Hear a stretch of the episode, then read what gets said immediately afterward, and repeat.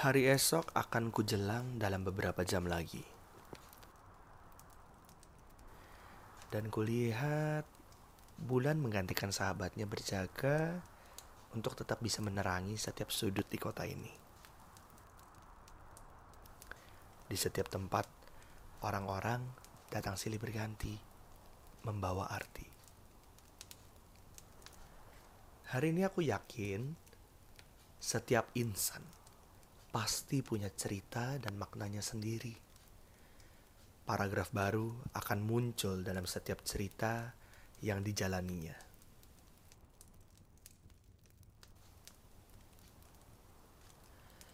Kehidupan itu terdiri dari banyak pilihan dan akan selalu muncul di setiap waktu. Pilihan baik, buruk, itu selalu mengiringi kehidupan setiap orang.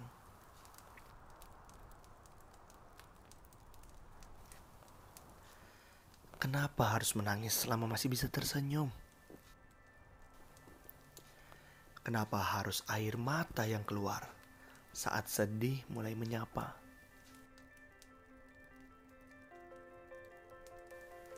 Hei, jangan larut dalam penyesalan atas setiap keputusan yang sudah kita ambil.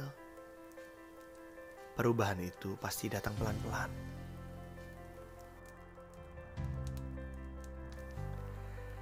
Dan menurutku, ini hanyalah fase yang harus kita jalani.